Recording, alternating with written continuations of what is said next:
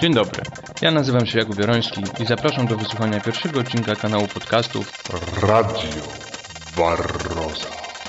Dziedziny, na których audycje radia będą się koncentrowały, dotyczą szeroko pojmowanego pszczelarstwa, pszczelnictwa, entomologii, biologii, ekologii oraz oczywiście samej pszczoły miodnej. Nie zwlekając dłużej, zapraszam do pierwszego odcinka, czyli wywiadu z Konradem Zarębą z projektu Bartnicy Sudetów.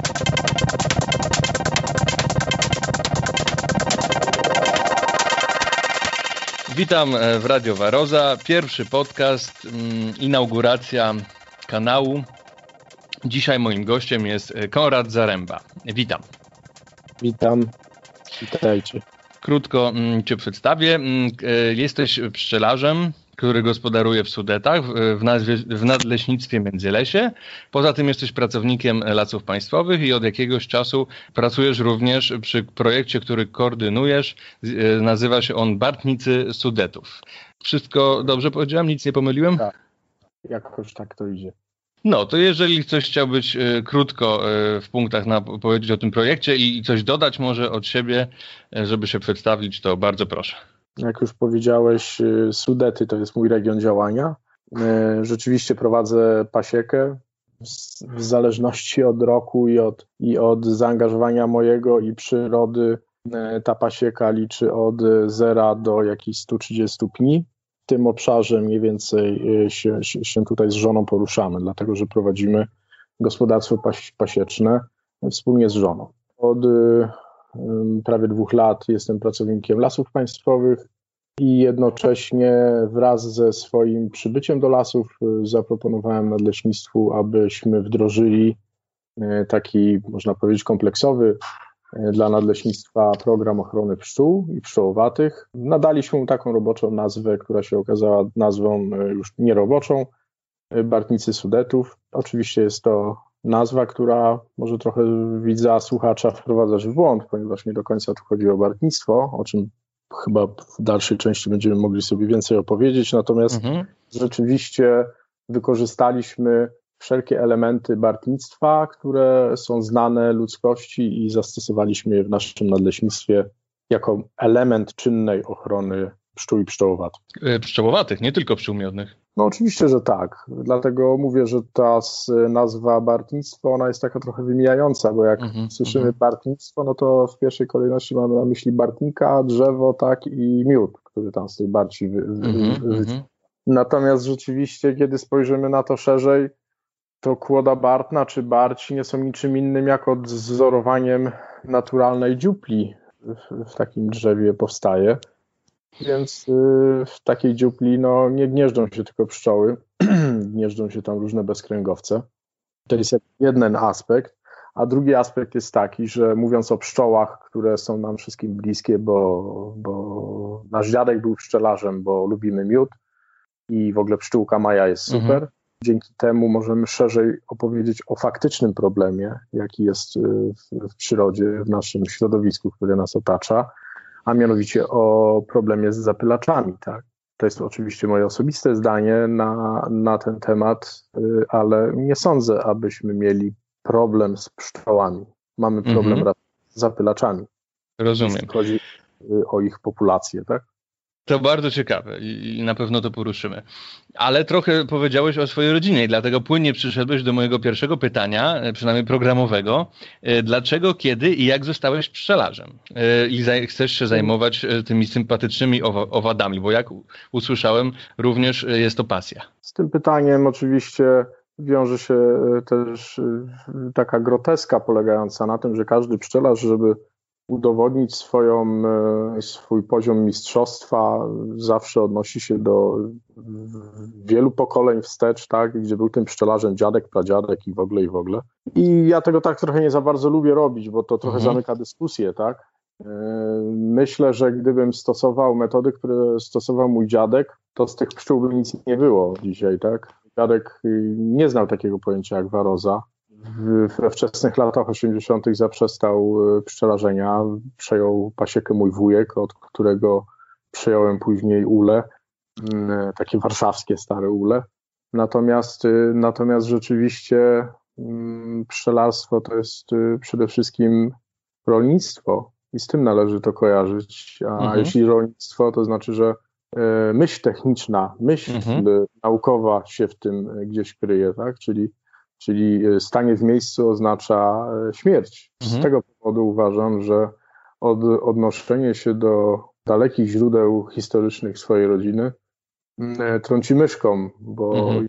i, jeśli nie zdobywasz bieżącej, aktualnej wiedzy naukowej i, i tej rolniczej związanej z, rzeczywiście z chowem pszczół, czy też z, z, ich hodowlą, no to po prostu nie potrafisz tego robić, bo dziadek mógł cię nauczyć pasji, ale na pewno nie no nauczyć tego, co dzisiaj jest y, ważne w pszczelarstwie. Owszem, ale to, co poruszyłeś, że mógł ktoś z rodziny lub po prostu dobry znajomy zaszczepić y, y, sympatię czy pasję do pszczół. To właśnie, prawda, nie? to prawda. No, od dziecka uczestniczyłem przy miodobraniu, od dziecka miałem kontakt z tymi pszczołami.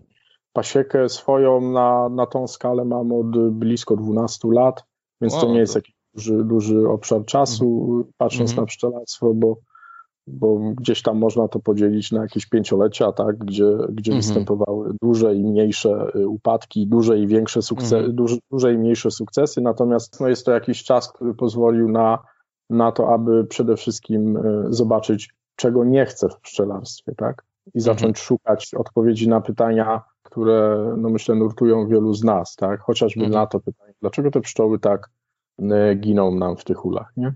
12 lat, no czyli nie faktycznie jakoś tak bardzo dawno temu, już e, podjąłeś tę decyzję jako do, dorosły, dojrzały człowiek, więc co, jaki był impuls, że nie byłeś pszczelarzem i nagle zostałeś pszczelarzem? Co, co, coś tak. się... to, to, to, nie jest tak do końca, że nie mhm. byłem pszczelarzem. Mhm. Bardzo intensywnie e, współpracowałem z lokalnymi tutaj w Sudetach pszczelarzami, chociażby z takim moim mistrzem Władkiem Bałciem, który mhm który niestety już odszedł od nas, natomiast no, to był pszczelarz starej daty, który pamiętał jeszcze pierwszą wojnę światową i, i z nim od y, blisko 10 lat wcześniej niż, niż y, zajął się paś, swoją własną pasieką. Regularnie y, obsługiwałem jego pasiekę i uczyłem się, tak? Wiedziałem, mhm. że, że podjęcie takiej decyzji, aby mieć własne pszczoły, to, to wymaga jednak jakiegoś, jakiegoś spojrzenia wspólnie z jakimś mentorem, mistrzem, tak? Padło na Władka, bo, bo miał dużą pasiekę, no rzeczywiście on mhm. tutaj miał blisko 400 pni, współpracował z Austriakami. Czyli pełen zawodowiec, tak? Po ilości. Pszczoły, tak. pełen zawodowiec, y, który wierzył w to, że barozę można zabić tylko i wyłącznie lejąc na nią stuprocentową amitrazę i zawsze mi mówił, tylko tego nigdy nie rób. Mhm, mhm. no ale robił to, robił to skutecznie. Aha. No tak, musiał się utrzymać, prawda? Tak jest. Bo to było jego główne zajęcie, tak? To było jego główne zajęcie. Radio. No dobrze, to może przejdźmy właśnie do projektu Bartnicy Sudetów. Skąd taki pomysł? Bo najpierw zostałeś pszczelarzem, a później e, koordynatorem Bartnicy Sudetów, czyli jakby jest to pewna funkcja zainteresowania i pracy przy pszczołach, przy pszczelarstwie, czyli rolnictwie, jak powiedziałeś. Skąd taki pomysł i jakie jego główne cele? A ja może, żeby troszeczkę ułatwić, podam z twojej broszury, którą mam odnośnie tego projektu, założenia takie konkretne, techniczne. Pszczoła spontaniczna zasiedla kłodę bartną, naturalna selekcja, jeśli chodzi o przeżywalność i, i, i choroby, minimalizm pracy, czyli chodzi głównie o przeglądy, odbiór pożytków tylko e, z rodzin e, osypanych. No to są jakieś tam wczesne założenia, one Aha. oczywiście w 99% są nadal aktualne. Natomiast e, wróćmy do początku. Skąd tak. w ogóle pomysł na projekt? Pomysł na projekt oczywiście, nie będąc pszczelarzem, myślę, że ciężko byłoby dojść do założeń tego projektu, ponieważ ja już po pięciu latach posiadania pszczół zacząłem obserwować, że coś tu jest nie tak. Okej, okay, Władek mi pokazał, jak te pszczoły w zasadzie można powiedzieć topić w tej warowie, tak? No mówiłem, mhm. dobra, to pójdę za jego głosem i nie będę tego tak robił. Robiłem to polskimi metodami, czyli zwykły apiwarol, który w postaci dymu, który wprowadzałem do rodziny. Można powiedzieć, że tu nie osiągałem jakichś wielkich, spektakularnych sukcesów. No bo czy jeden rok, kiedy pszczoły zostały odymione i przeżyły, można nazwać sukcesem, kiedy w następnym roku robiłeś to samo i one wszystkie padły, no to chyba to nie jest sukces, tak? Kiedy zacząłem poszukiwać innych metod na zwalczanie warozy, kwasy, tymol, tak? Te wszystkie rzeczy, które w naturalnym pszczelarstwie czy ekologicznym są znane, no to mm, było tak samo, żadnej różnicy, tak? przeżywalności pszczół. Więc zacząłem szukać głębiej odpowiedzi na to, co się dzieje, ponieważ z, z jednej strony miałem świadomość tego, że miód, który te pszczoły produkują, jest czymś wyjątkowym, tak? bo produkują go tylko one. Nikt inny w przyrodzie nie produkuje miodu. Otóż produkuje. Okej, okay ale w takich ilościach towarowych, no nie, w takich możemy się podzielić z innymi, możemy go sprzedać, tak powiedzieć, słuchaj, zrób sobie z tego piernik, e, zrób z tego sobie e, miód pitny i tak dalej. Tak. W ilościach wykorzystywanych w, w, cywilizacji rzeczywiście nie. Natomiast ciekawostkowo powiem, bo interesuję się w ogóle owadami, entomologią, że oprócz oczywiście pszczołowatych, innych, które w małych ilościach, to między innymi mrówki miodziarki magazynują nektar i też go odparowywują i, i takie robotnice, które są cysternami, właśnie tylko wiszą takie wielkie, nie mogą się już poruszać i on, one w sobie mają magazyn właśnie odparowanego nektaru na, na później. Także podobnie do pszczół. Natomiast no, idąc tą drogą, doszedłem do wniosku, że no, lanie y, nieustannie tej chemii oczywiście może, może w pewnym momencie sprawić, że znajdę ten poziom zadowolenia, tak?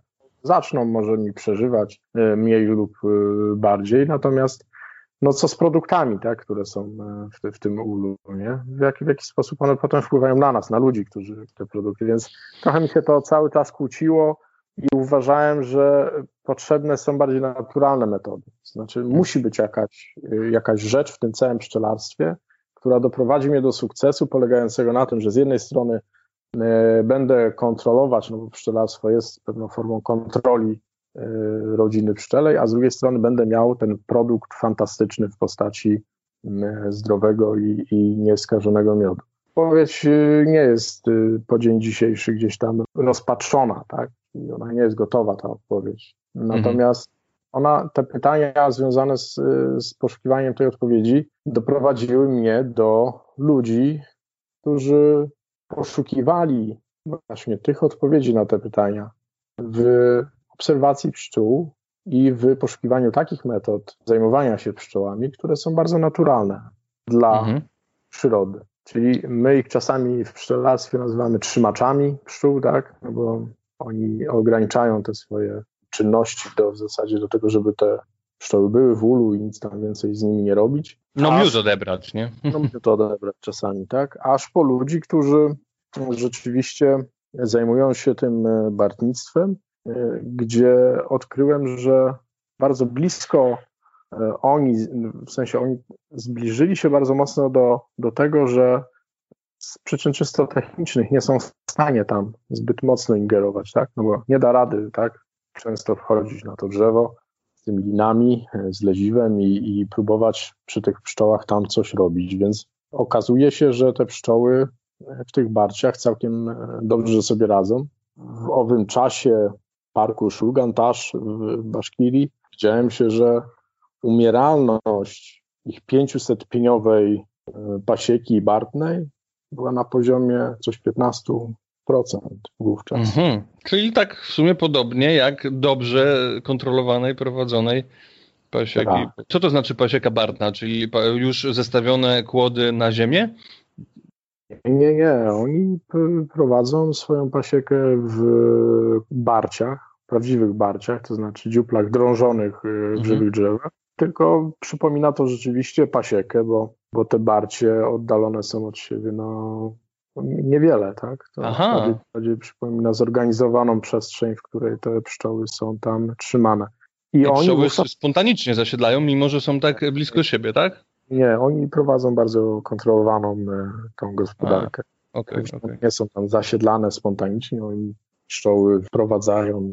Dlatego użyłeś nazwy pasieka. Mhm, teraz już rozumiem. Dokładnie, dlatego użyłem nazwy pasieka. Natomiast ich y, umieralność była bardzo niska, tak?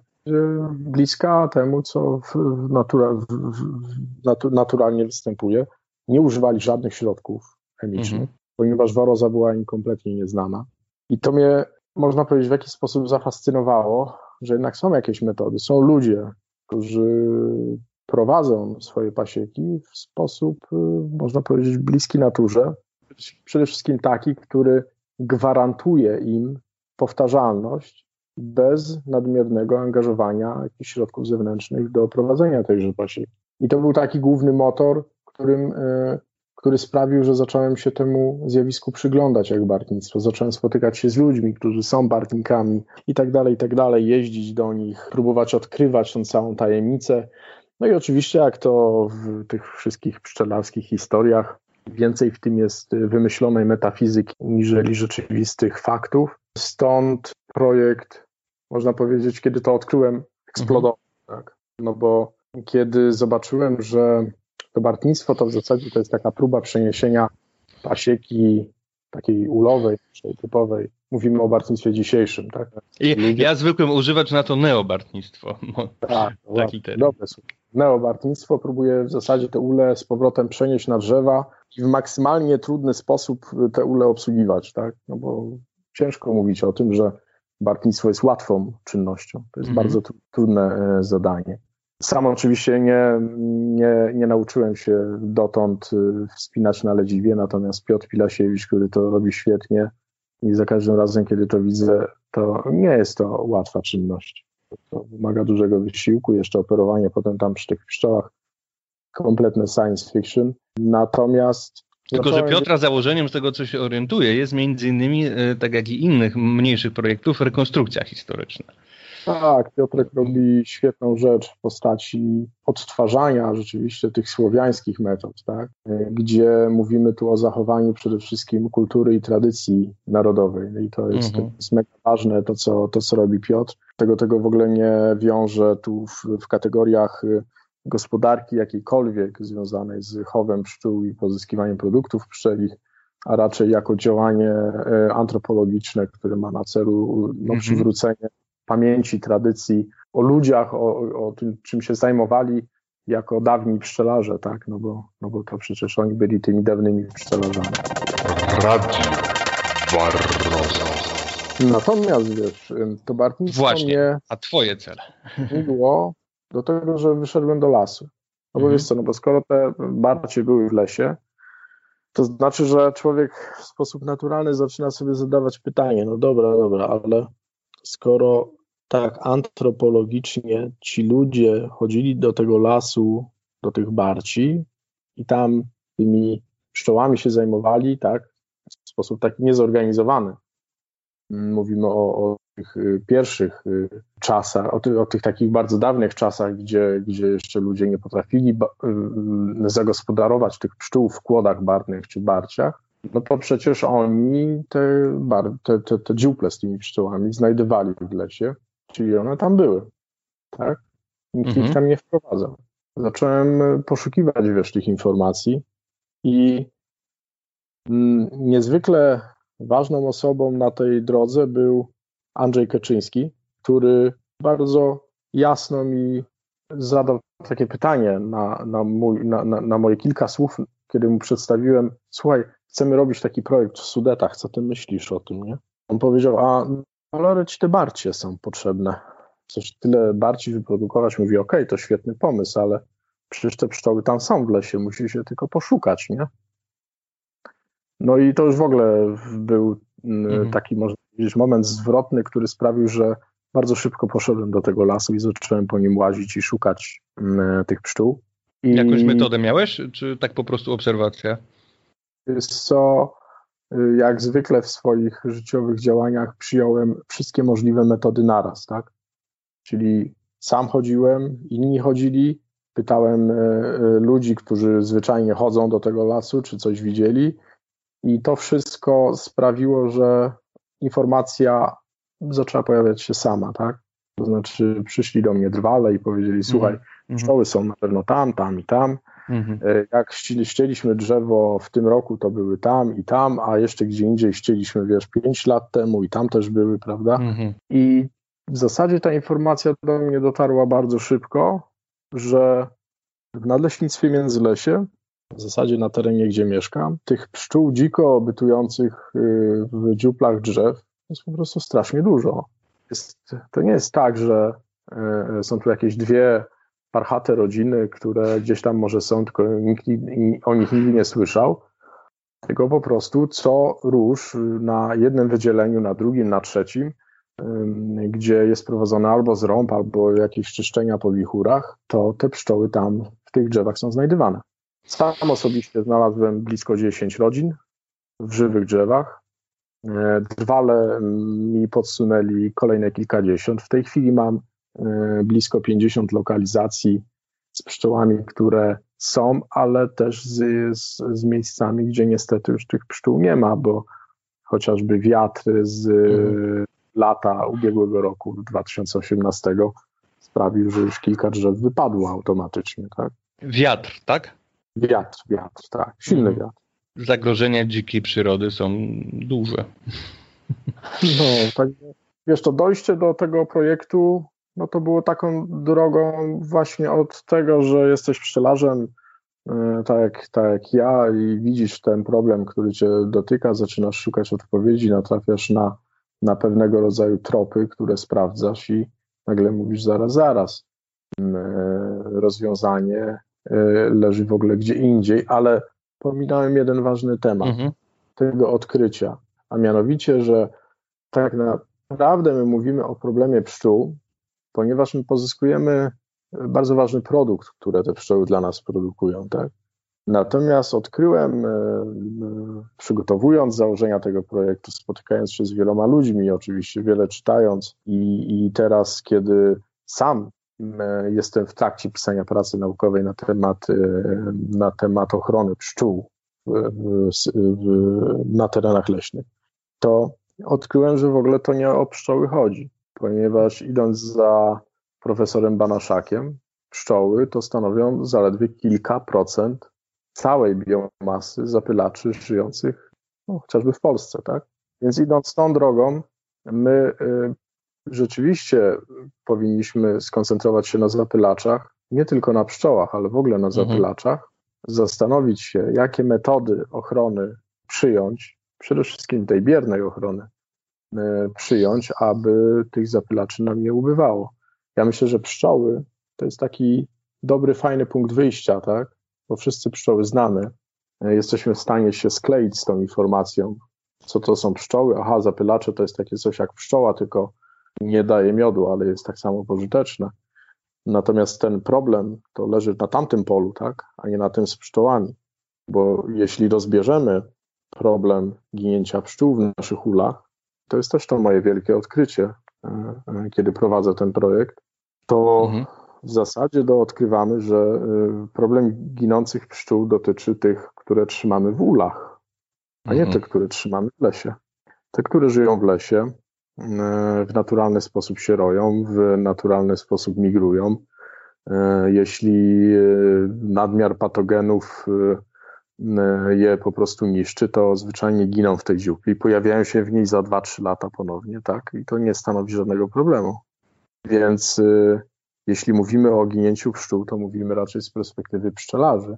Ale mówię o ginięciu jako ogólnie, czy po prostu umieraniu no, pewnego procentu yy, rodzin pszczeli w zimę, czy tam w sezonie?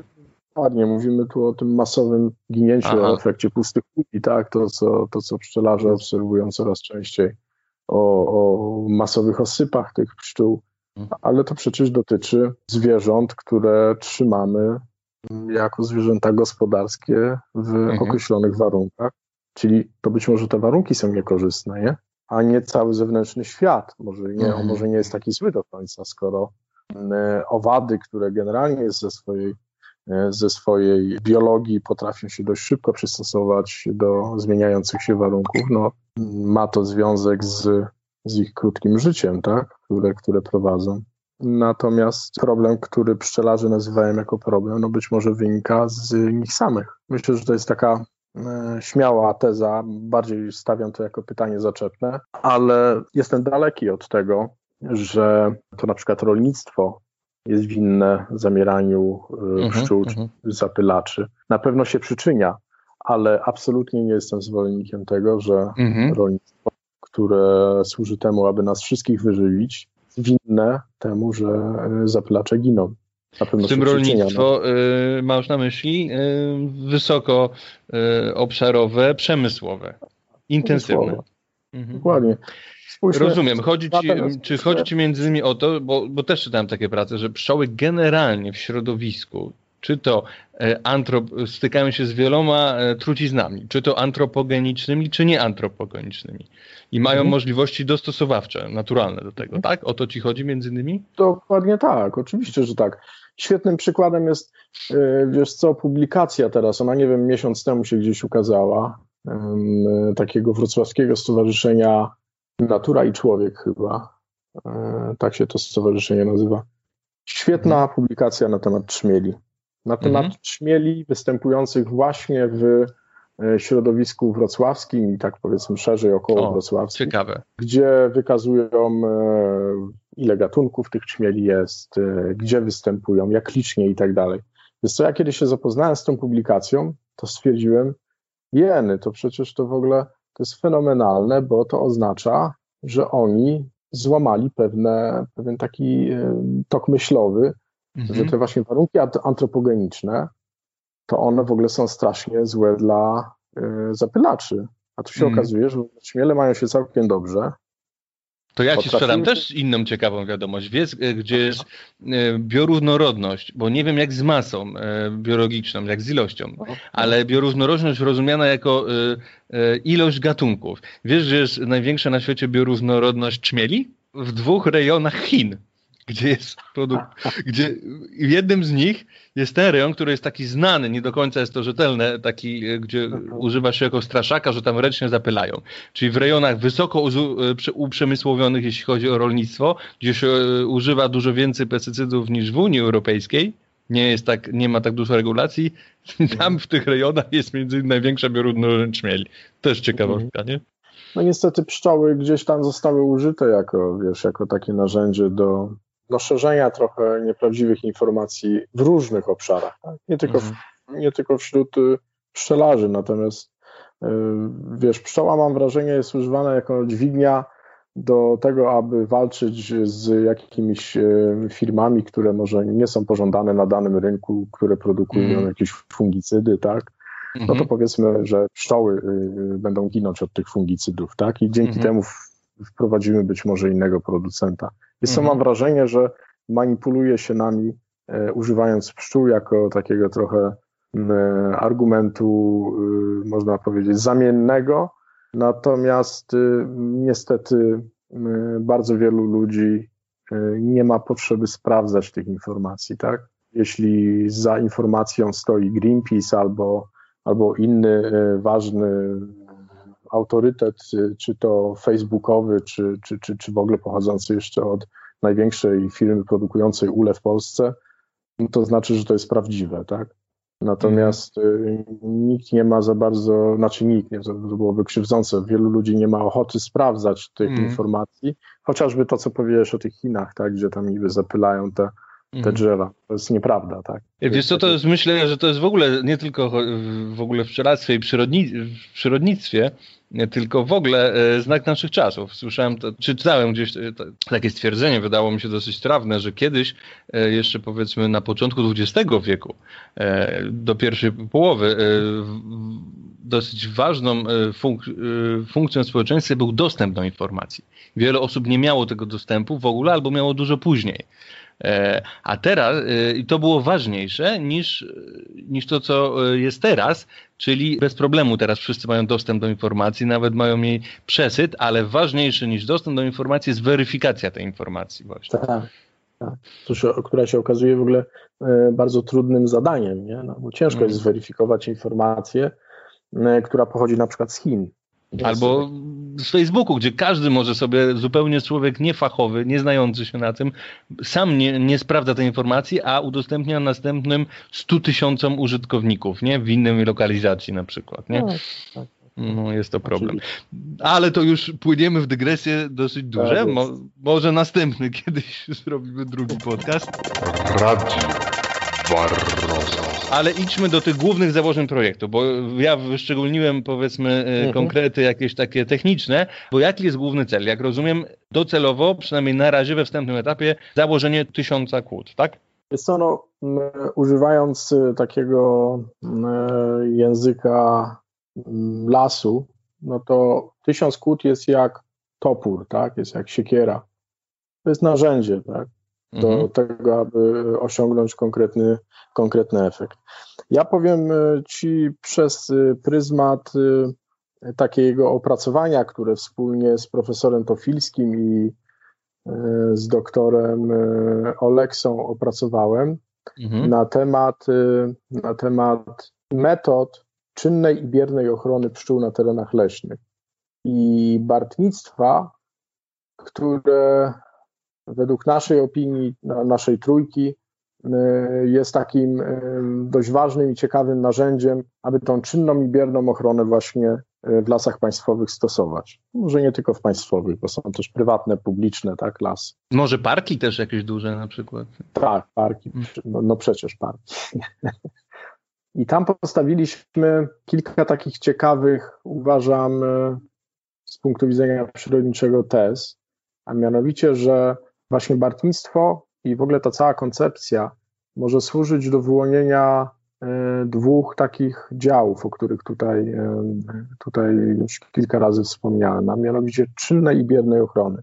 Tak? Bierna ochrona polega, polegająca na tym, że znajdujemy te, te, te naturalnie występujące w lesie dziuple i w jakiś określony sposób, za każdym razem będzie indywidualny, natomiast jednak w określony sposób będziemy starali się do zachowania tego miejsca mm, jako miejsca przyrodniczo ważnego, ponieważ skoro tamte pszczoły są dzisiaj, to znaczy, że za 2-3 lata, nawet jeśli dzisiaj e, tej zimy nie przeżyją, to za 2-3 lata one mogą mm, ponownie się tam wprowadzić z innego roju.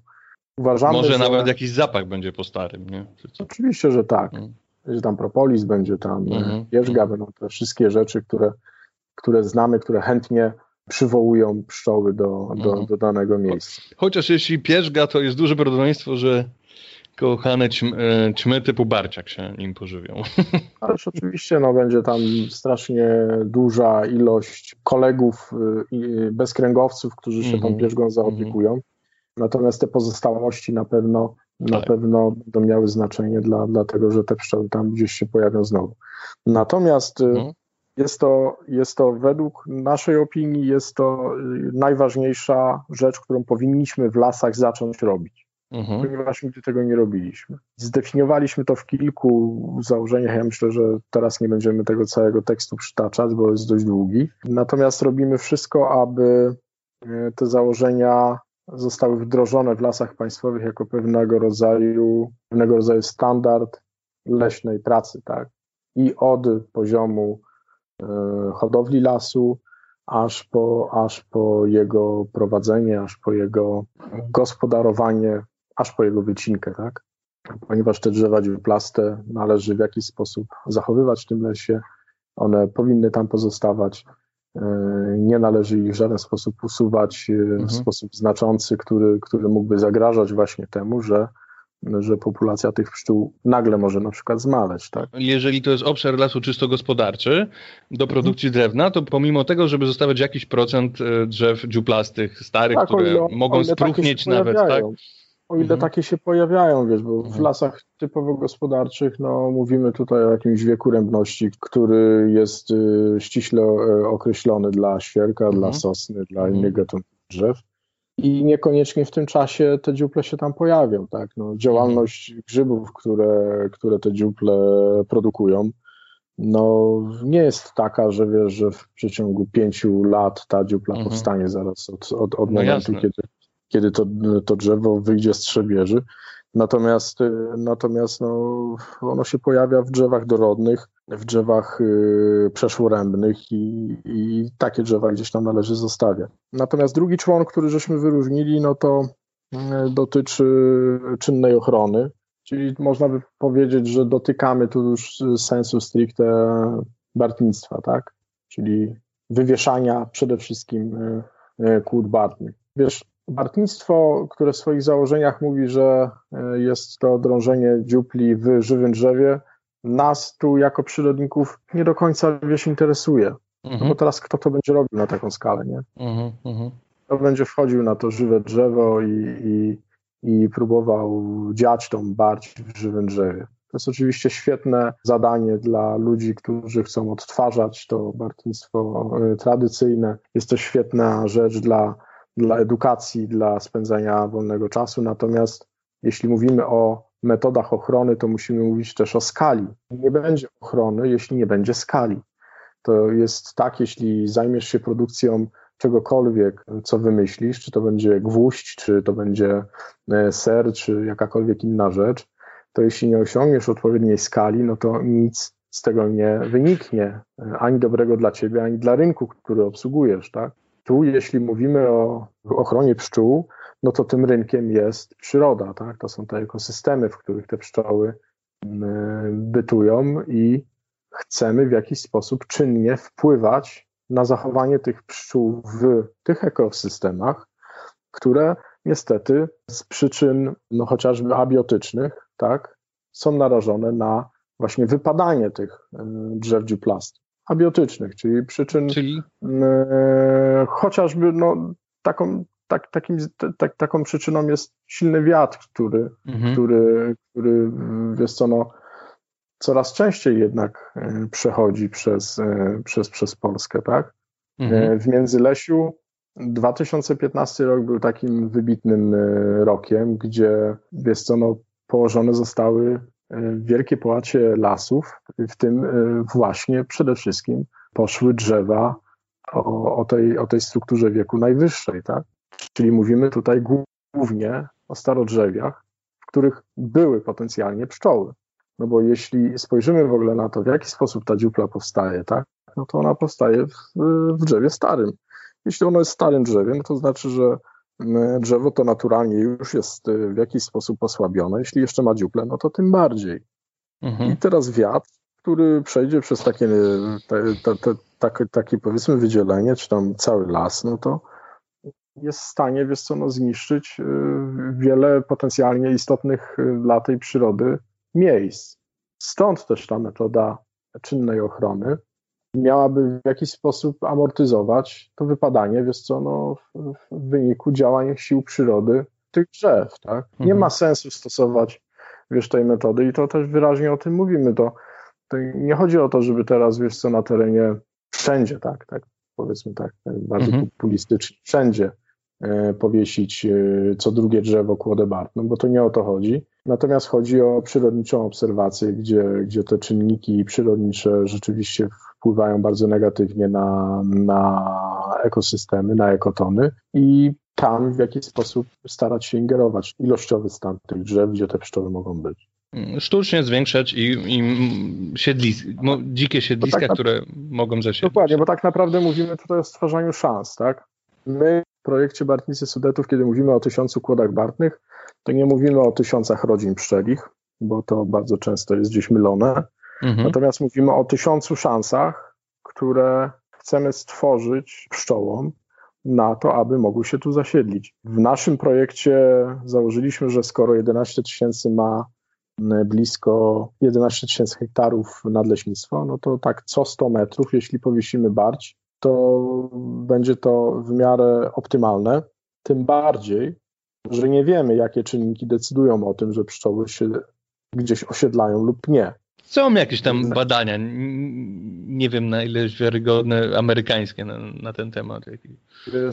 Profesora Silia między innymi. Powiem Ci taką ciekawostkę, która wynika tu z czystej obserwacji. W lesie typowo grądowym, w, niedaleko Śnieżnika, stał Bóg, który był zasiedlony przez pszczoły. Jeśli tam był Bóg, no to można powiedzieć, że to jaki to grądowy las, natomiast no rzeczywiście tam świerczyna była taka bardzo skarlała, gdzieś tam taki Bóg sobie wyrósł, który wiesz, miał dziuple i tam były pszczoły. Pomyśleć, kiedy tam wchodzisz do tego lasu, zaraz, zaraz, ale tu wszystko mówi, żeby tu pszczół nie było. Niby pożytki, no jakie tu są pożytki? No trochę, trochę jagodników gdzieś tam w podszycie jest, tak? Tak naprawdę od strony takiego, wiesz, pszczelarza, który wchodzi do jakiegoś tam miejsca i mówi, o, baza pożytkowa jest, y, no tu jest, nie ma tej bazy pożytkowej, nie?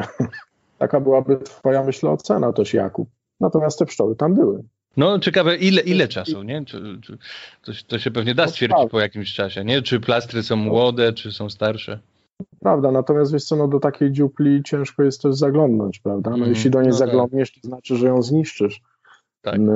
I, i, Pytanie jest, czy jest sens to oceniać, jak dawno są te pszczoły. Oczywiście można robić tam jakieś pobieranie próbek i tak dalej, i tak dalej, co, co, co, co zresztą praktykuję, ale zupełnie z innych powodów. Natomiast y, sam fakt, że one wybrały to miejsce i sam fakt, że przez 2-3 lata jesteś w stanie przynajmniej je tam obserwować, bądź też y, mhm.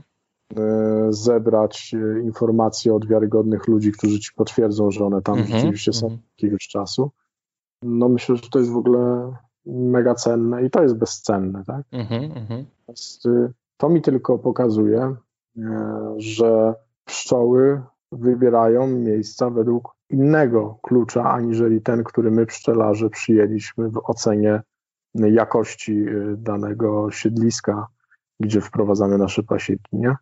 Wszystkie zasiedlone wody bartne, które w tej chwili mamy, one też są w mojej ocenie w nietypowych miejscach, one są raczej trzy kłody bartne mamy w takich łęgowych, mm, słuchaj, wąwozach, gdzie jest dość wilgotno, jest dość różnorodna roślinność ta w podszycie, ale w zasadzie są to buczyny, są to trochę tam w promieniu powiedzmy tych dwóch, trzech kilometrów jest to taki las mieszany, ale tam raczej jest chłodno.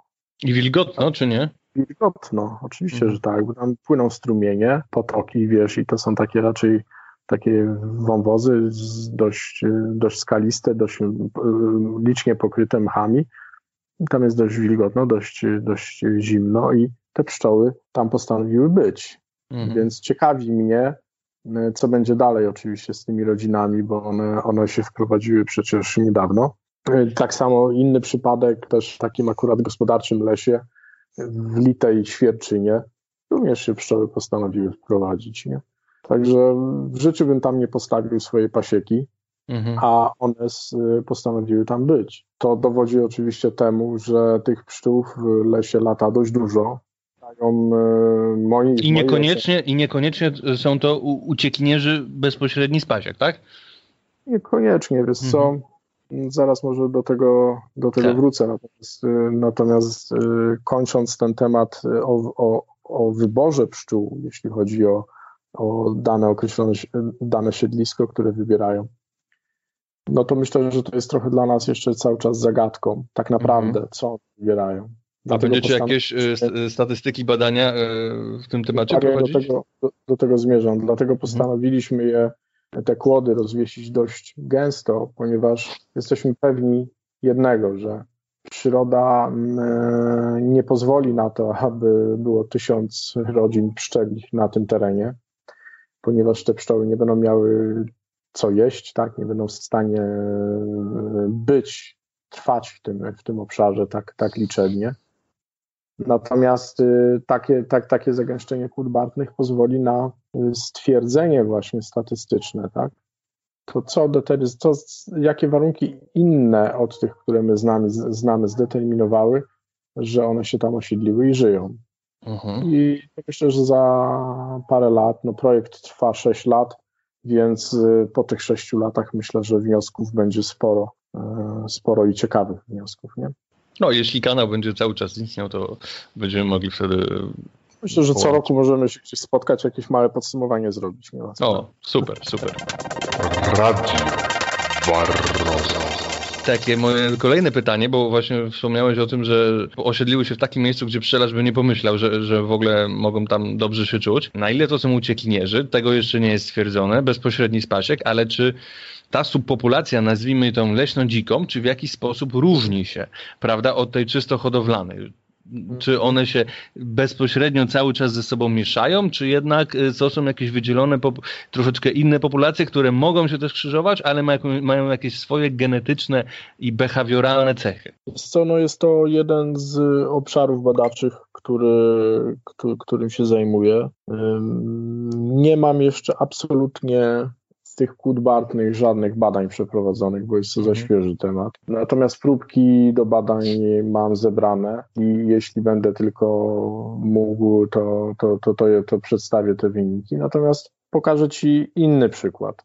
Myślę, że dość bliski, ponieważ z dziką pasją łapię te, roje, które powiedzmy mhm. do mnie na pasiekę przybywają również, bo dość licznie przybywają. Bo masz pasiekę niedaleko, tak? Tego projektu? Tak, w zasadzie mam swoją pasiekę mam w zasadzie zaraz przy lesie, bo, bo mieszkam w zasadzie w lesie.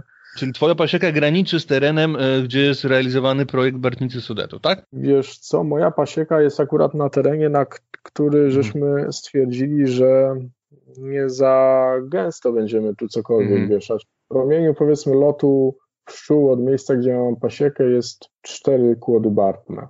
Mm -hmm. Niedużo, bo to, mm -hmm. to patrząc na, na skalę projektu to jest niedużo. Raz, że wysokość, bo to jest prawie 500 metrów nad poziomem morza, a dwa w zasadzie jednolita świerczyna. Nie za bardzo są to warunki, które uznaliśmy, że, że warto okay. tu zagęszczać nasze, mm-hmm. nasze, mm-hmm. nasze parcie. Natomiast ja tak czy inaczej, mając tu pasiekę, e, regularnie e, łapię wiesz, kilkanaście rojów rocznie, które z, po prostu lecą do lasu, nie? I no, to jest pytanie do lasu, czy, czy się przemieszczają w tym lesie. Natomiast, co jest ciekawe w tym, bo, bo do tego zmierzam, również jestem y, częścią takiego projektu badawczego lasów państwowych, który ma na celu właśnie stwierdzić, jak bogate w, w, w pyłek, w nektar są tereny leśne, czy one w ogóle mogą być towarowo wykorzystywane w pszczelarstwie jakie mhm. pszczoły są wykorzystywane i które są powiedzmy tymi najlepszymi do produkcji tego, tych produktów na terenach leśnych.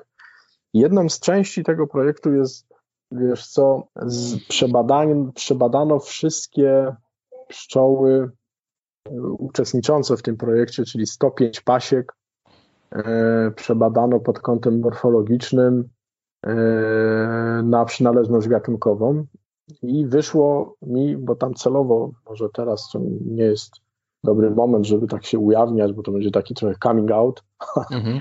ale, ale rzeczywiście do tego projektu przeznaczyłem e, pszczoły, które złapałem. Mm, to był mój celowy, świadomy wybór, żeby umieścić akurat w tych ulach, które umieściłem w lesie. To jest zupełnie w innym miejscu niż, niż mhm. tutaj, gdzie mieszkam. Czyli przewiozłeś je. Przewiozłem je, tak, przewiozłem je do w mojej ocenie bardzo korzystnego terenu od strony, od strony pożytków. Przewiozłem te pszczoły, które złapałem właśnie na tamten obszar i, i, i one biorą udział w tym projekcie badawczym. A na tych pszczołach w tym projekcie badawczym będzie się też gospodarowało, czy, czy nie? Nie wiadomo jeszcze, wiesz, Aha, to, to okay. za wczesna faza jest. Natomiast poddano je badaniom i wyszło, że te moje pszczoły, które mogę ci powiedzieć, jak taki, wiesz, taki pszczelarz, obserwator, no mają czarne dupy, mhm. są małe, nie za bardzo y, tworzą silną rodzinę, tworzą mhm. raczej taką umiarkowaną rodzinę. Raczej mają wszystkie cechy pszczół, które są opisywane jako AMN, tak? Czyli w typie leśnej pszczoły Apis mellifera mellifera, tak, tak ci się wydaje. Dokładnie. Dokładnie, tak, tak na oko pierwsze byś powiedział, no to nie jest żadna krainka, to nie jest żaden jakiś tam, na pewno bakwas, tak? Na, okay. Natomiast, natomiast co to jest nie za bardzo wiadomo, natomiast parę cech mówi, że to jest AM. Natomiast badania morfologiczne wykonane w Krakowie jakby przyniosły moim zdaniem dość zaskakującą odpowiedź. Jest to karnika z dominacją AMM-u. To jest ciekawa informacja chyba. No, nie? hybryda pomiędzy tymi dwoma, ale wiesz, yy, są takie odmiany krainki, które też mogą być ciemne dosyć, także może to A, tak, tak to fenotypowo ci, wychodzi. Ale powiem Ci więcej, bo hmm. akurat znam wyniki badań z całej Polski, gdzie ta karinka z tym AMM dominuje, nie? Przyjrzyj się takiemu ciekawemu zjawisku, gdzie masz 100 pszczelarzy, którzy w lasach państwowych e, między innymi prowadzą swoje pasieki.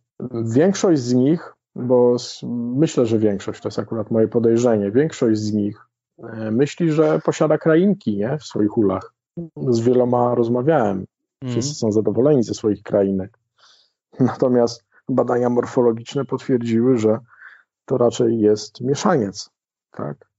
Pomimo no tego, że zarzekają się, że matki są kupione u sprawdzonych. Aha, mimo że są kupione. Bo Ale z kolei jeśli chodzi o niekupione, to doktor y, y, Andrzej Oleksa y, powiedział mi, że właściwie powyżej równoleżnika mniej więcej od Torunia w górę w, w północ, to wszędzie, gdzie się nie wymienia matek, to można podejrzewać, według jego badań tak wynika, że jest właśnie AMM, pomieszana z krainką, ale z dużym udziałem głównie AMM. No ale widzisz, na południu też jednak jest krainka z AMM-em. Ja myślę, że to jest coś, co, co, co jeszcze jest do zbadania. Podjęto już te próby, y, sam przecież doskonale wiesz, badania mm, e, genetycznego, tak? W jaki sposób zaobserwowano, że pszczoły pozostawione mm, do samoistnego rojenia się, tak, no, są w stanie wyciągnąć, tak można powiedzieć kolokwialnie, E, gena MM na, na wierzch. Tak? Były te badania, wprawdzie nie jakieś na dużej próbie, na, w tych projektach bartnych, na, na bardzo małej próbie, ale, ale tak wyszło rzeczywiście. Zobaczymy, zobaczymy. No, jestem, jestem e, e, również zaciekawiony tymi wynikami. Myślałem, że, że tu jednak oczywiście nie, nie, nie za bardzo wierzyłem, że w ogóle zetknę się za MM u nas w Sudetach. Bardziej myślałem, że to będą jakieś hybrydy właśnie związane bardziej z krainką, czy, czy z jakąś może pszczołą kaukaską, którą tu się również ściąga. Nie wspomnę tu już oczywiście o, o natomiast bardziej sądziłem, że to będzie, będzie jakaś tam mieszanka znanych nam tu hodowlanych y, mhm. odmian, natomiast okazało się, że jest to gdzieś tam za MM również. Tylko pojawia się w związku z tym też taki, y, takie pytanie, na ile y, ten projekt może być w jakikolwiek sposób konkurencyjny dla, dla standardowego pszczelarstwa towarowego, no bo jeśli to są inne pszczoły, czy, które mogą ja myślę, że... zasiedlać inne, inne ekosystemy, na przykład mniej obfite pożytki, to może niekoniecznie. Ja myślę, że w ogóle nie powinniśmy patrzeć na konkurencyjność tych projektów, wiesz? Kiedy nazywamy coś konkurencyjnością, mm, automatycznie nam się pojawia, że ktoś coś komuś odbierze, nie? No tak, tak trochę to, to chyba jako ludzie widzimy. Natomiast ten projekt wzbogaca tą naturalną pulę, która w przyrodzie istnieje. Ja myślę, że e, ja jako pszczelarz i, na ostatniej konferencji w, w Płońsku, gdzie byłem, to to dokładnie o tych samych rzeczach dyskutowałem z wieloma pszczelarzami, e, ale ja jako pszczelarz jestem zainteresowany swoją produktywnością, tak, swojej pasieki. Więc jeśli jestem nią zainteresowany, to znaczy, że szukam takich stanowisk, gdzie mogę wywieźć 30-50 pni e, bardzo silnych i zebrać tam towarowy pożytek. Żeby to mhm. robić, jestem bardzo mocno zainteresowany tym, aby mieć pszczołę, która która potrafi to robić, tak? Czyli mhm. mówimy tu w tym momencie o kontrolowanej hodowli pszczół. I jeśli jestem zainteresowany tą produktywnością, to jestem również zmuszony to robić jako rolnik, tak? Ponieważ wyobrażasz sobie rolnika, który e, trzyma jakiekolwiek zwierzęta, przygląda się temu, jak one zdychają albo e, dają trochę mniej mleka lub więcej, w zależności od, od roku i pory dnia, no chyba tego nikt, żaden z tych rolników nie chce. Więc ja jako rolnik, pszczelarz, jeśli zajmuję się pasieką, e, która produkuje e, towar, który mam na sprzedaż, jestem zainteresowany, aby te pszczoły to robiły. Więc e, podejmę wszystkie metody, które w pszczelarstwie są znane, aby to pszczelarstwo było skuteczne. Natomiast projekt Bartnicy Sudetów jest projektem przyrodniczym. My tu mówimy o tym, że chcemy zachować w przyrodzie pewnego rodzaju równowagę tych y, gatunków zwierząt, które w, jakiś określony sposób są zagrożone. A uważam, że z przyczyn czysto abiotycznych i antropogenicznych, czyli tych przyczyn takich powiedzmy y, gwałtownych, związanych z przyrodą i mhm. tych, gdzie człowiek wpływa na, na środowisko, y, no to jako ludzie powinniśmy wykonać określone czynności, które, które uważamy za słuszne do tego, aby, aby tą przyrodę chronić. I myślę, że bartnictwo jest świetnym narzędziem do tego, aby e, chronić pszczoły, to jest po pierwsze, a po drugie, aby wywoływać e, rozmowę na temat ochrony zapylaczy. Radio Barroso być może w bardzo dużym stopniu te e, pszczoły mogą się krzyżować więc, i przenosić na przykład choroby, więc pojawia się problem chorób pszczół, w tym pasożytów, między innymi warozy, mhm. jak i wirusów. Jak tutaj, e, czy ten projekt na ile współgra też, e, bo sam mówiłeś, że rolnicze mm, no, zachowania są jednak i odmienne zupełnie niż projekt Bartnicy Sudetów. Oczywiście.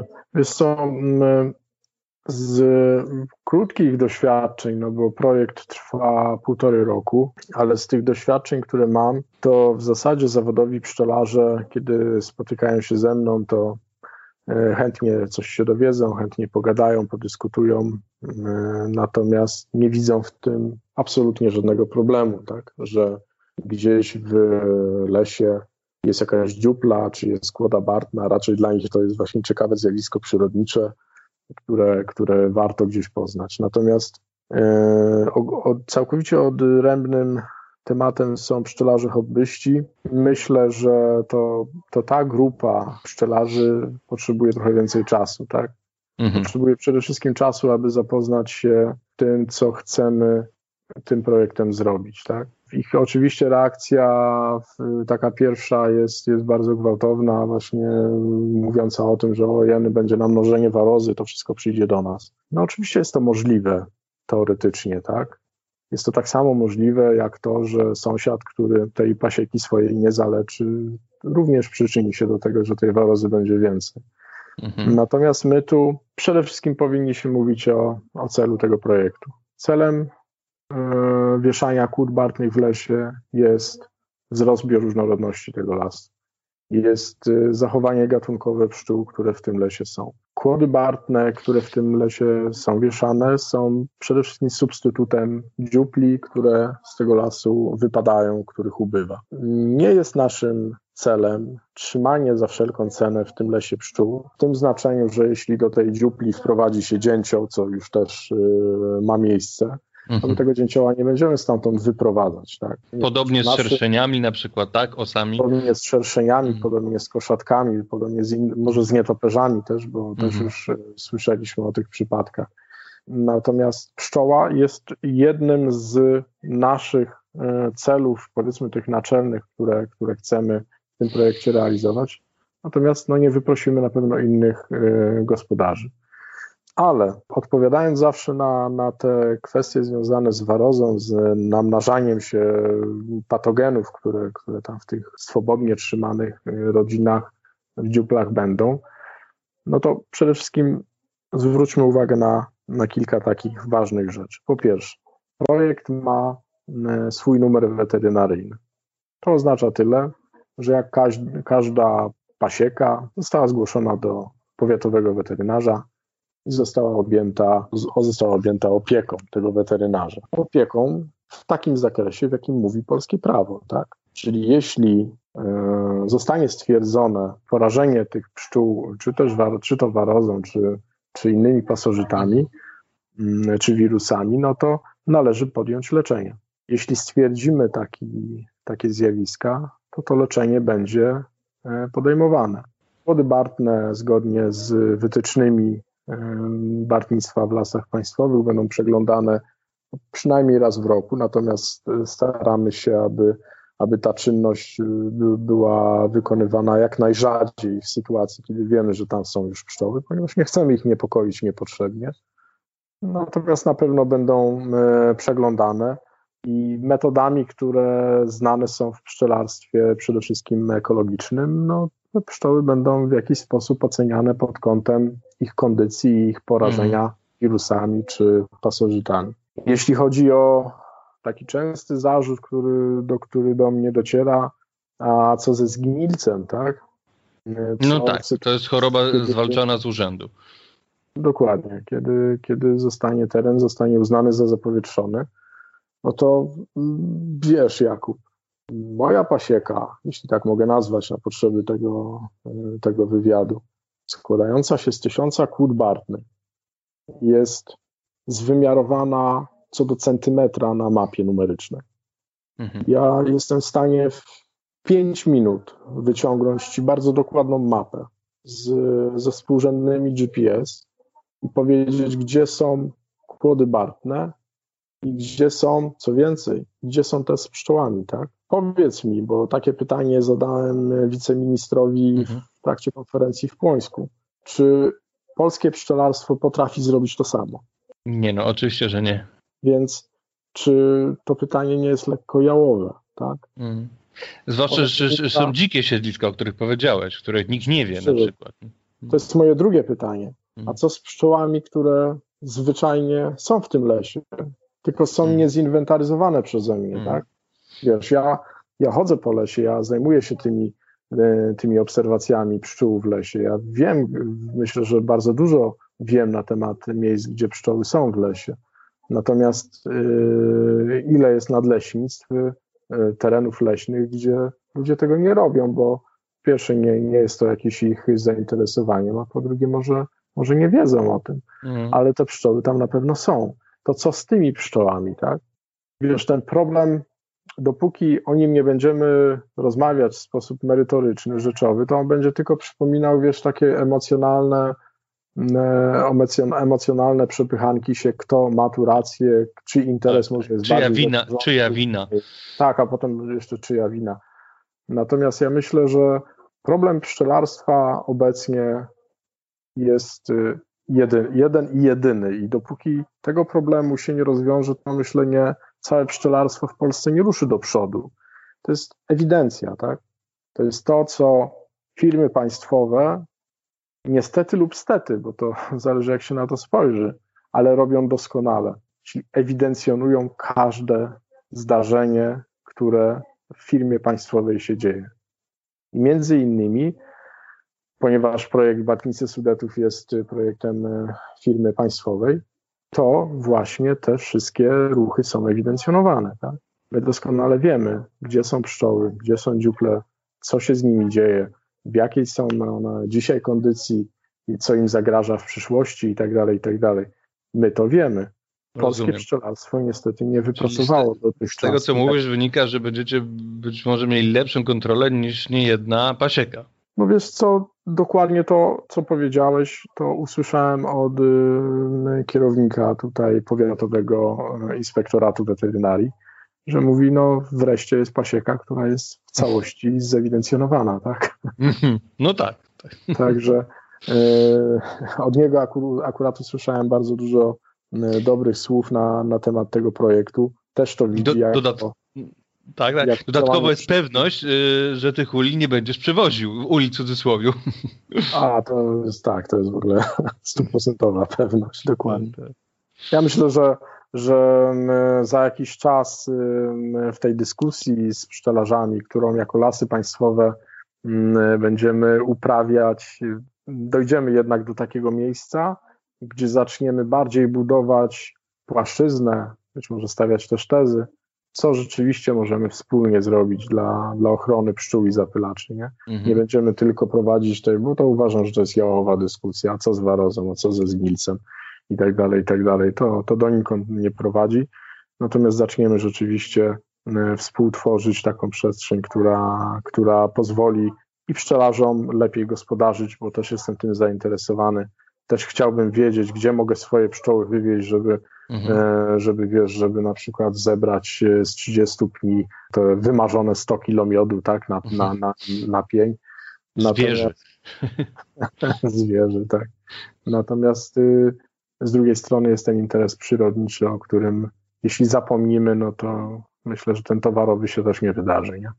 Czyli współdziałanie, współpraca, zdecydowanie nie przeciwstawna konkurencja, czy robienie sobie jakichś No oczywiście, szkół, że tak.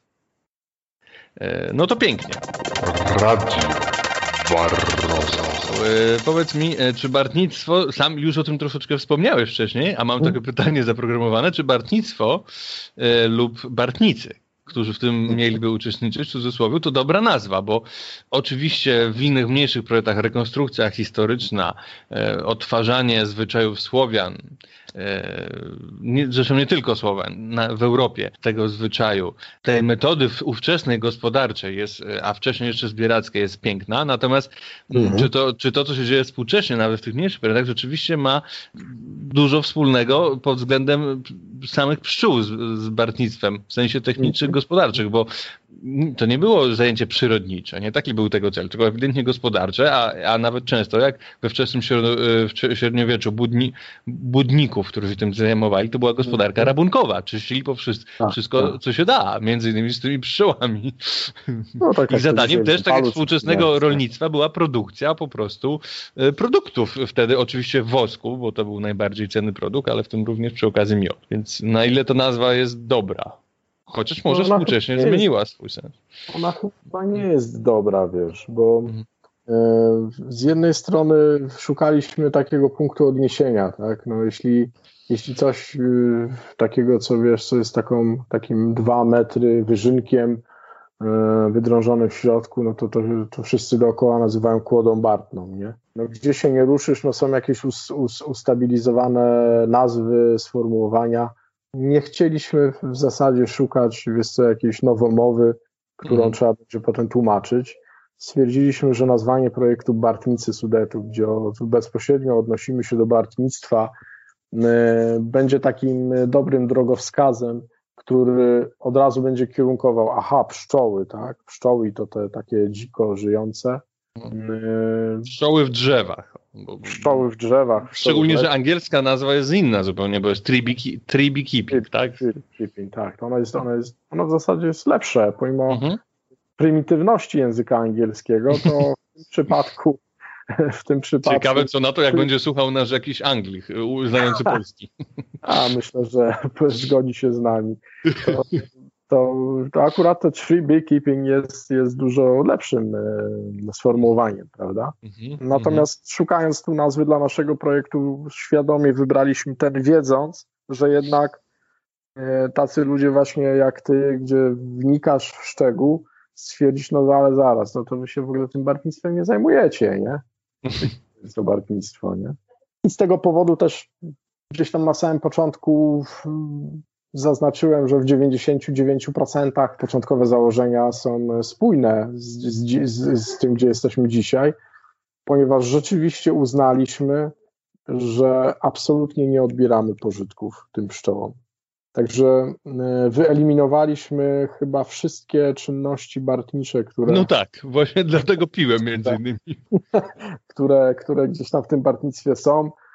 Eee, Ewentualnie dopuszczacie, e, to jest cały czas aktualne, jeśli znajdziecie po prostu już martwą rodzinę, tak? Czyli... Nie, nie dopuszczamy nawet tego. A, nawet tego. Jest, okay. to, jest to element y, przyrody, jest on jego własnością. Rozumiem, czyli już tego punktu nie ma, tak? Po prostu inne zwierzęta się tym, tak. inne zwierzęta, e, czy bakterie, grzyby się tym pożywią, tak? Myślę, wiesz co, myślę, że to jest wszystko oczywiście bardzo elastyczne, tak? Jeśli jako pszczelarz i myślę, że jako coraz bardziej doświadczony pszczelarz, a przede wszystkim mam nadzieję, że za jakiś niedługi czas bardziej znawca w ogóle biologii yy, i ekologii pszczół, będę w stanie jednak w takiej dziupli, gdzie te pszczoły są, stwierdzić, że ten wosk yy, być może, nie wiem, no, jest rzeczywiście zagrożeniem dla ewentualnie przybywających pszczół rabunkowych, tak? Mhm. Jeśli będę w stanie to określić, świadomie, świadomie stwierdzić, że nie jest to zagrożenie, to będę to wycinał i, i palił. Natomiast na dzień dzisiejszy nie widzę takich powodów. Nie? No Także pozostawiamy wszystko przyrodzie. Myślę, że bezkręgowce i kręgowce sobie bardzo dobrze poradzą z zawartością szybciej niż nam się to wydaje. No niedźwiedzi już yy, nie ma, tak? W, w, tam, w tamtych lasach, więc tak, tak. problem nie nastąpi. No bo to też była e, cała ta gospodarka bartnictwa e, z tym się też wiązała, czyli zabezpieczenie przed dużymi ssakami e, kłody bartnej, tudzież barci, prawda? No tak, ale kiedyś tych ssaków jednak nie brakowało, prawda? Tak, tak, dokładnie. Więc to inne, cza innych czasach. Tak, tak. I, I, inna technika, inne cele, jak, jak przed chwilą powiedziałeś. Masz. No to prawda, więc to no byłoby wielce nierozsądnym robić coś w sposób trudniejszy, niżeli można to robić dzisiaj, tak? Wielkim błogosławieństwem jest jednak ul korpusowy, który myślę, jeśli jest dobrze przygotowany, to świetnie imituje to gniazdo pszczele. To już tylko od pszczelarza zależy, jak on tych skrzynek użyje, tak? Mhm. Pszczoły rzeczywiście będą miały szansę się tam rozwijać w pełni, czy, czy nie. Natomiast do produkcji miodu myślę, że są dużo łatwiejsze mhm. metody, o których mówi pszczelarstwo których można nauczyć się, czy to w technikum, czy obecnie od tego roku jest również E, przecież uruchomiony kierunek studiów podyplomowych w zakresie mhm. pszczelarstwa. O, i płynnie, płynnie przeszliśmy tak, jak chciałem zakończyć. Świetnie nam się współpracuje do właśnie e, twojej pasieki, czyli produkcji. Ale jeszcze jeden temat, ale również nie odstępujesz od technologii właśnie w projekcie Bartnicy, bo widziałem ciebie i podziwiałem, jak świetnie sobie radzisz pi y, piłą przez siebie dostosowaną do przyspieszenia wycinania y, no, barci. No, to jest taki, to jest taki też paradoks, bo wiesz co, no, kiedy stajesz przed tak dużym projektem, bo masz świadomość, że tylko skala jest w stanie zrobić coś dobrego, no to i trzymasz tą piesznię, wiesz, z, z, z siekierą w drugiej ręce i mówisz, dobra, zrobię tysiąc barci, nie? No tylko kiedy, tylko kiedy. Tylko, to, dokładnie, to bardzo szybko pukasz się w głowę i mówisz, nie no, to jest niemożliwe, nie? Natomiast to nie było tak, że kiedy nadleśniczy podpisał zarządzenie powołujące projekt, mm. to nie było tak, że my od razu wiedzieliśmy, jak zrobimy te tysiąc barci, nie? Trochę rzuciliśmy się z motyką na księżyc, wiedząc, że trzeba ten problem rozwiązać a nie mając rozwiązania, bo to jest różnica. I na dobrą sprawę rozwiązanie było, wiesz, w zasadzie pod ręką, bo e, z jednej strony użyłeś tu sformułowania przystosowaną piłą, a to nie jest tak do końca, bo ja wykorzystałem narzędzie, które jest obecne w, w świecie mhm. obróbki drewna. Mhm. Jest to zwykły frez. Myślę, no oczywiście zwykły, on jest dzisiaj zwykły, wcześniej to był w ogóle dla mnie nieznany. Natomiast no jest to zwykły ciesielski frez, który jest wykorzystywany między innymi przy budowie domów z Bali. Mhm. I jego problem, jego jakby problem polega na tym, że nie ma go w sklepach trzeba go zamówić i jest produkowany na zamówienie w zasadzie. Bo... Czyli, czyli jednak nie jest aż tak mocno popularny jak. Znaczy, no bo chodzi nie, bo konkretnie, uściślimy, żeby inni y, słuchacze też wiedzieli. Chodzi o frez przymocowany do piły spalinowej, tak? Do korpusu pi, pilarki spalinowej. Jest to frez y, produkowany przez wyspecjalizowane firmy zajmujące się produkcją sprzętu y, dla powiedzmy tego przemysłu drzewnego, dla drwali. Mhm. On jest głównie wykorzystywany właśnie przez cieśli budujących domy z Bali. No myślę dlatego, że nie ma go na półkach, no bo tych cieśli jednak jest mało. Nie, nie ma takiej potrzeby. Tak? Ja ten frez zamówiłem, po trzech miesiącach go dostałem. Taki był mm finał. Jest to cholernie droga sprawa z mhm. perspektywy takiej e, powiedzmy detalicznej, tak, gdybyśmy chcieli to sobie w domu robić na potrzeby swojej jednej barci rocznie, to to się kompletnie nie kalkuluje.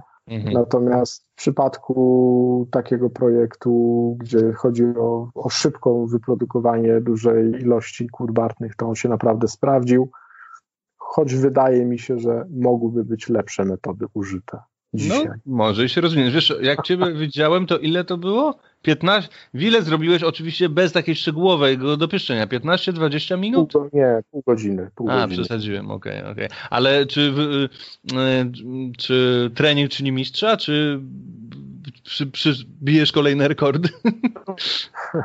To prawda, więc co, no tu w, przy projekcie pracowali wyspecjalizowani, drwa, wyspecjalizowani drwale z nadleśnictwa, którzy, którzy no, ten fach mają po prostu w ręku i oni taką kłodę bez takiej, tak jak to nazwałeś, bez takiego dopieszczania, bez tam takiej obróbki, ale takie wiesz, wycięcie bardzo szybkie tej komory, to zajmuje im rzeczywiście około 15-20 mm, minut, nie? Mm. No ja tak. mam trochę za słabe ręce jednak, ja muszę Aha. kilka razy y, odpocząć. Dobry drwal po prostu bierze piłę i spust trzyma do momentu, aż się paliwo nie wyczerpie. Aha, a piła sobie radzi, tak? Z tym dobra? Jest odporna na to? Tak, tak. Ona, ona, ona sobie z tym e, doskonale radzi. Przede, przede wszystkim musi być ostry fres, e, ale jak jest ostry i dobry pilarz, to, to naprawdę to mhm, wszystko, mm -hmm. idzie bardzo. Radio Barroso. No dobra, to powiedz na końcu, yy, też wróćmy do tej pasieki, takie koło zatoczymy yy, i do produkcji. Yy, takie standardowe pytania, na jakich ulach gospodarujesz, może nie tylko o samą ramkę chodzi, czy materiały, yy, czy raczej drewno, czy jakieś nowoczesne, bo bardziej materiały, no jakieś może specyficzne, ale wiesz, znaczy ale już wiesz- wiemy, że, że, że też dzikie pszczoły, tak? Czy, czy zdziczałe tam próbujesz z lasu, czy też jakieś inne masz Tak, e, ulubione pszczoły, czy e, na ile jest to, Trzymam, jakie stosujesz środki w tej, w tej, w tej pasiece, techniki tak dalej. Okej, ale zacznijmy od początku. Ale wiesz, No. że to, to pytanie nie ma większego sensu, nie? jeśli chodzi o typ ula, typ ramki i tak No. dalej. Nie? Tak, nie, no tyle, że wydaje mi się, że pszczelarze lubią o tym słuchać, w sensie, że a, ten stosuje to, to w porządku.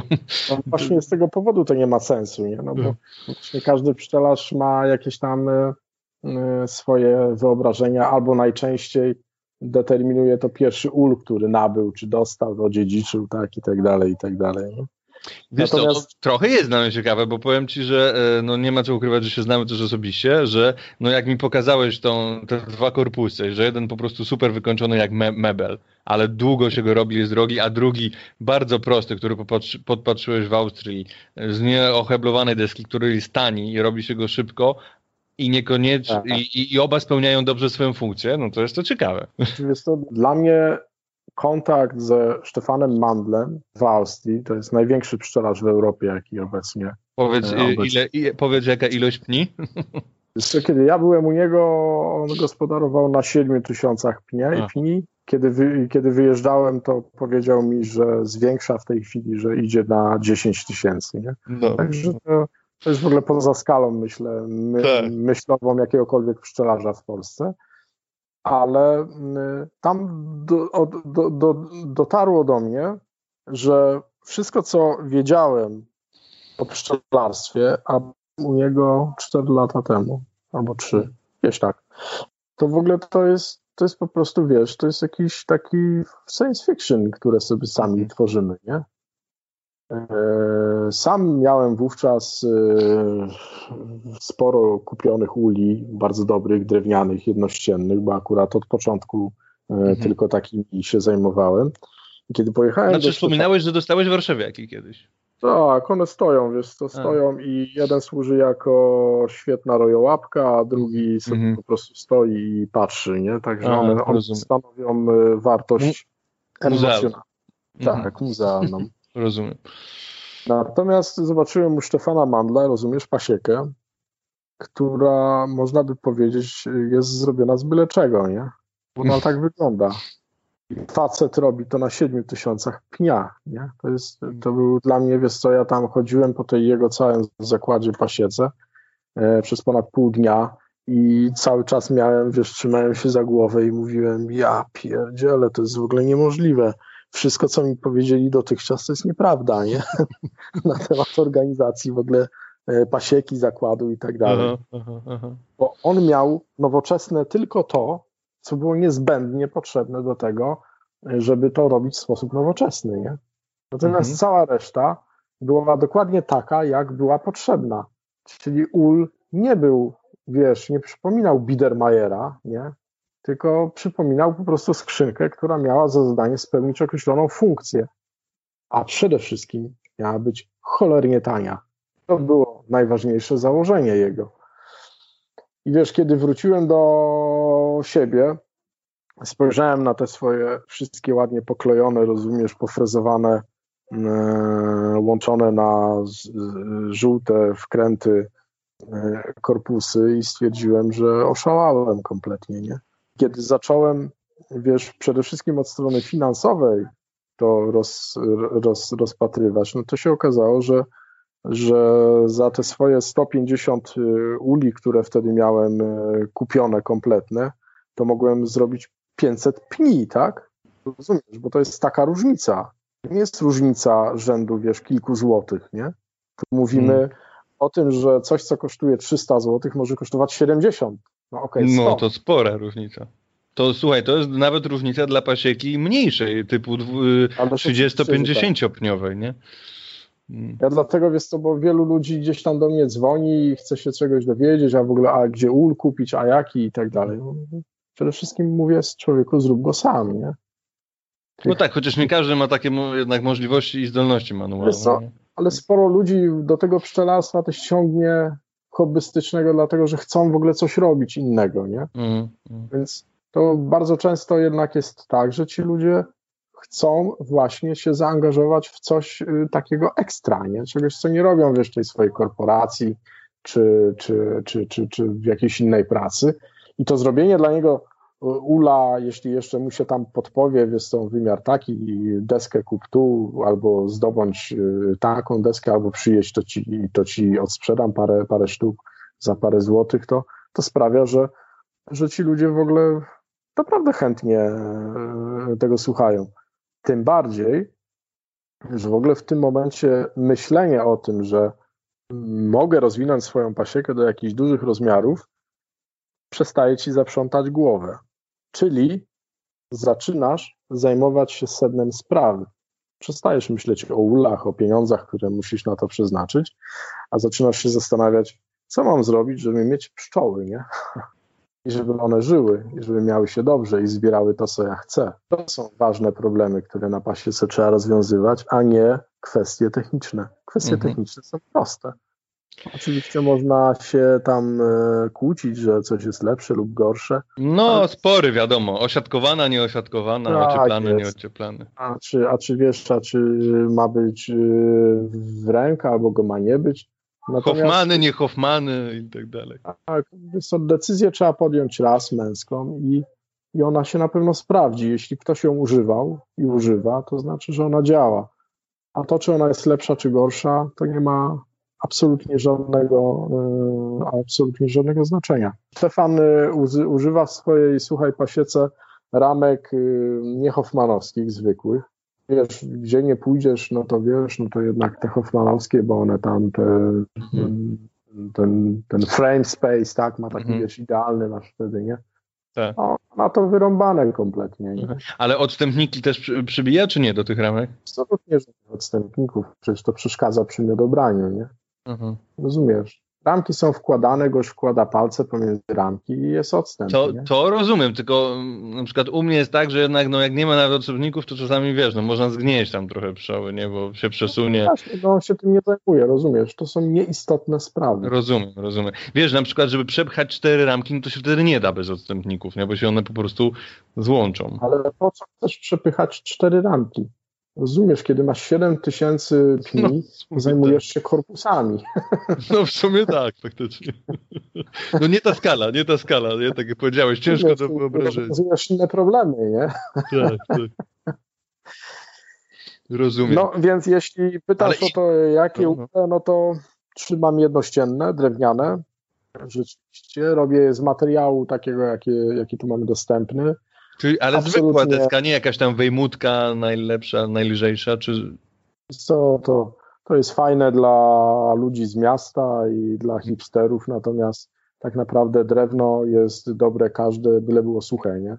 Oczywiście można mówić, że mm, e, świerk, który rósł szybko, m, będzie gorszy od tego, który rósł wolno i z tym się zgodzę. No, staram się nie używać absolutnie miękkiego drewna do, do, mhm budowy uli, natomiast y, używam po prostu świerka, który, który mhm. u nas jest w dużej, w dużej ilości. Co więcej, y, mandl robi to samo, nie? Nie mhm. używa innego drewna. Mhm. Natomiast y, zdecydowałem się na dwa typy ramki.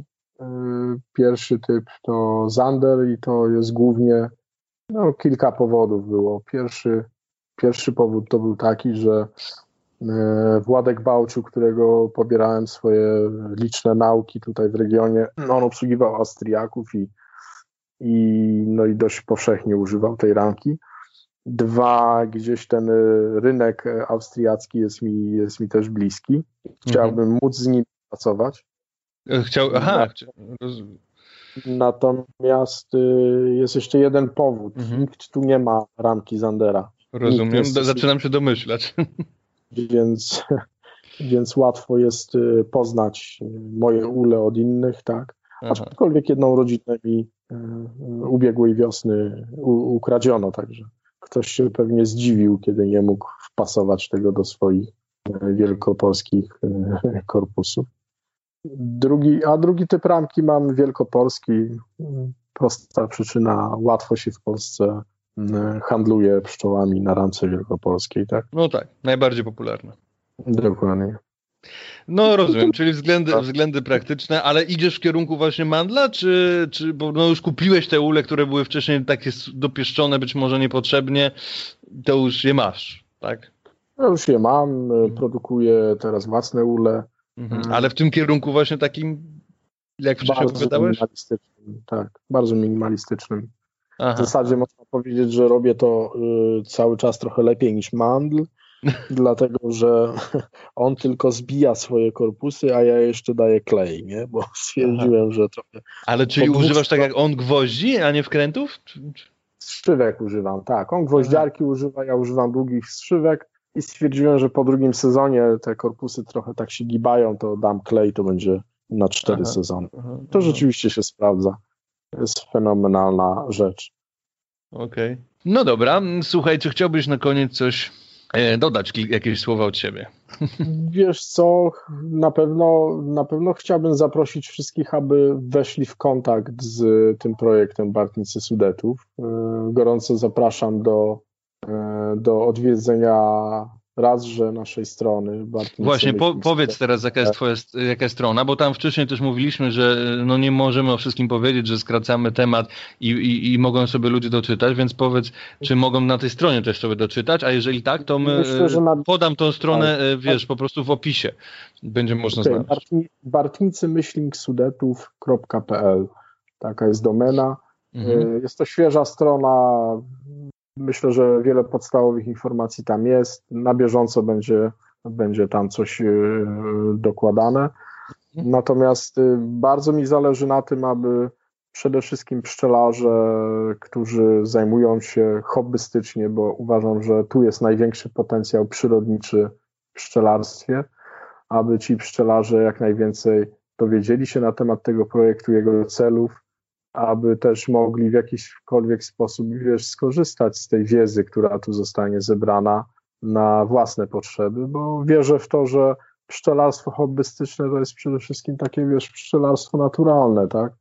Gdzie tym celem podstawowym nie jest produkcja miodu, tylko e, satysfakcja z tego, że, że ten słoiczek miodu gdzieś tam sobie wykręcisz czy wyciśniesz, że masz trochę tych pszczół i to jest największą satysfakcją, a przede wszystkim e, daje to również taką możliwość, e, że ci pszczelarze będą hodować jednak własne matki z krzyżówek, które, które sami gdzieś tam będą pozyskiwać. I moim zdaniem to przyrodniczo ma największe znaczenie. Natomiast mhm. oczywiście coś kosztem czegoś, tak? Nie mogą liczyć na to, że będą mieli jakieś fenomenalne zbiory miodu, natomiast będą, myślę, mieli fenomenalne odczucie, że, że uczestniczą w jakimś dużym temacie związanym z ochroną pszczół w Polsce. Świetnie. Y, dziękuję Ci bardzo, y, Konradzie, że zgodziłeś się uczestniczyć w pierwszym odcinku. Y, ja również dziękuję. Miło mi to. Radio Waroza generalnie będzie się zajmowało, zapraszało pszczelarzy, naukowców, przyrodników, pasjonatów, taki mam zamiar. Prosto w domu można będzie usłyszeć wieści ze świata pszczół, pożytecznych tych owadów związanych z symbiozą z człowiekiem od jego zarania i jego środowiskiem życia. Co ty na taki plan? Bardzo, bardzo dobry plan, słuchaj. I czekam na, na kolejne odcinki. Myślę, że ciekawych ludzi zaprosisz, że to jednak y, ja tutaj w tym pierwszym odcinku w jakiś sposób zaznaczyłem jakiś nurt. Natomiast myślę, że jest w świecie sporo osób, które mają ciekawe doświadczenia i mogą coś wnieść w ogóle do tematu ochrony pszczół, bo cały czas o tym mówimy. Tak, tak. Aczkolwiek tutaj będą, wiesz, poruszane różne tematy, nie, nie tylko ochrona. Nie? I... No, ale rzeczywiście, ale zawsze dojdziemy do tego samego. Dobra. Y, trzymaj się, Konradzie, Konradzie. Dobrej nocy Ci w takim razie Dziękuję. życzę, bo rozmawialiśmy późno wieczorem. Do usłyszenia. Do usłyszenia. Trzymaj się. Hej. Dziękuję Ci za wysłuchanie mojego pierwszego odcinka podcastu. Trochę się z Konradem rozgadaliśmy. Temat jest bardzo ciekawy, aczkolwiek moglibyśmy pewnie rozmawiać jeszcze kilka godzin, więc i tak się musieliśmy ograniczać. E, jeżeli masz ochotę zasubskrybować mój kanał, to oczywiście możesz to zrobić poprzez klik RSS. Podcasty są, będą dostępne na popularnych serwisach podcastowych typu iTunes czy Spotify. E, możesz również oczywiście wejść na stronę mojego bloga, gdzie e, będą na bieżąco wszystkie odcinki waroza.blogspot.com mm, Zapraszam Cię też do kontaktu i napisania do mnie na maila pasiekawaroza.gmail.com Możesz napisać mi o swoich uwagach co do odcinka. To był pierwszy odcinek, także przepraszam, na pewno pojawiły się jakieś niedoskonałości, będę chciał nad tym pracować. Możesz mi także zaproponować kolejnego gościa, z którym mógłbym porozmawiać. Będę Ci bardzo wdzięczny. Dziękuję Ci jeszcze raz. Powodzenia, pozdrawiam. Radio Bar